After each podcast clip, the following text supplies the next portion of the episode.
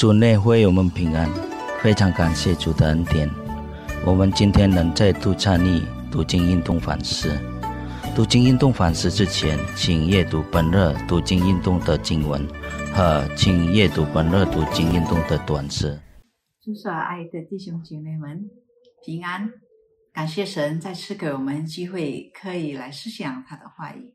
我们先祷告，亲爱的天父，我们满心感谢你。你的恩典在我们日常生活中是足够我们用的。感谢你该给赐给我们机会，可以思想你的话语。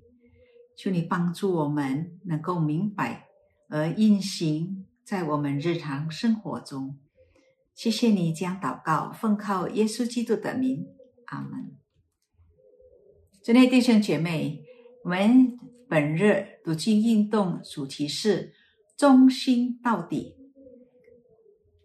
经文启示《列王记下》第十三章，我给大家念第十五到第十九节。伊丽莎对他说：“你取弓箭来。”王就取了弓箭来，又对以色列王说：“你用手拿弓。”王就用手拿弓。伊丽莎按手在王的手上。说：“你开朝东的窗户，他就开了。”伊丽莎说：“射箭吧。”他就射箭。伊丽莎说：“这是耶和华的得胜箭，就是战胜亚兰人的箭，因为你必在亚父攻打亚兰人，直到灭尽他们。”伊丽莎又说：“取几支箭来。”他就取了来。伊丽莎说。打地吧！他打了三次，便止住了。神人向他发怒说：“应当击打五六次，就能攻打亚兰人，直到灭尽。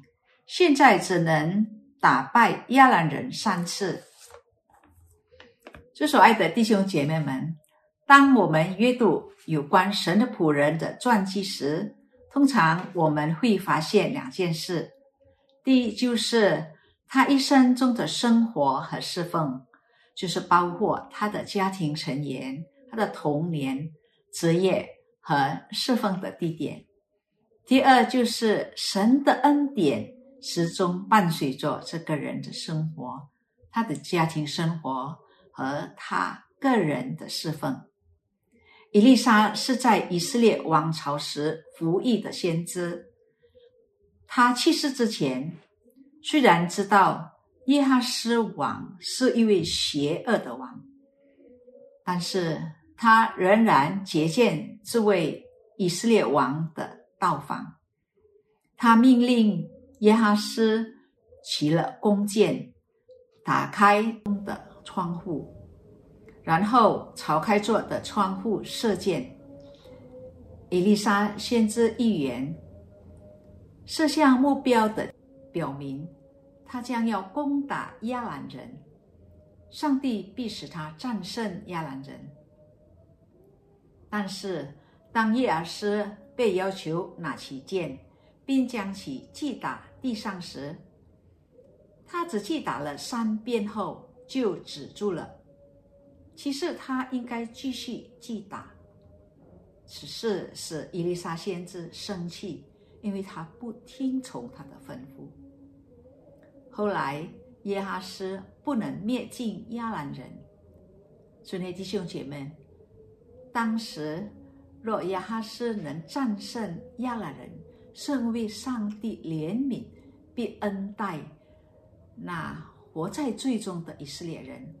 我们看第二十三节：耶和华去因亚伯拉罕、以撒、雅各所立的业。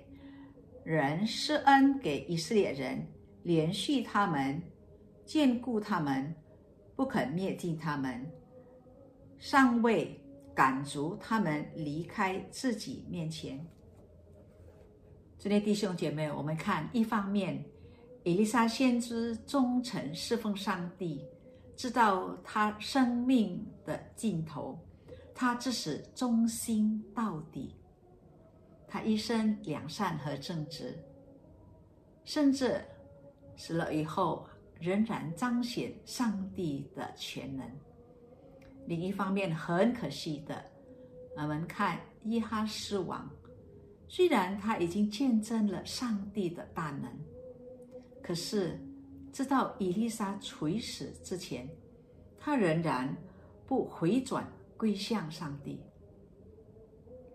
如果看不到符合你所期望的结局，你会继续忠于你所侍奉的上帝吗？如果你已经向你家人传福音，可是没有看到有好的效果，你是否会继续为主做见证吗？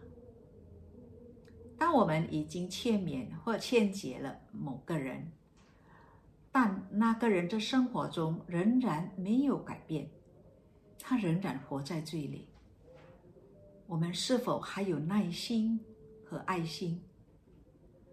而继续劝他不重蹈覆辙呢？为他祷告，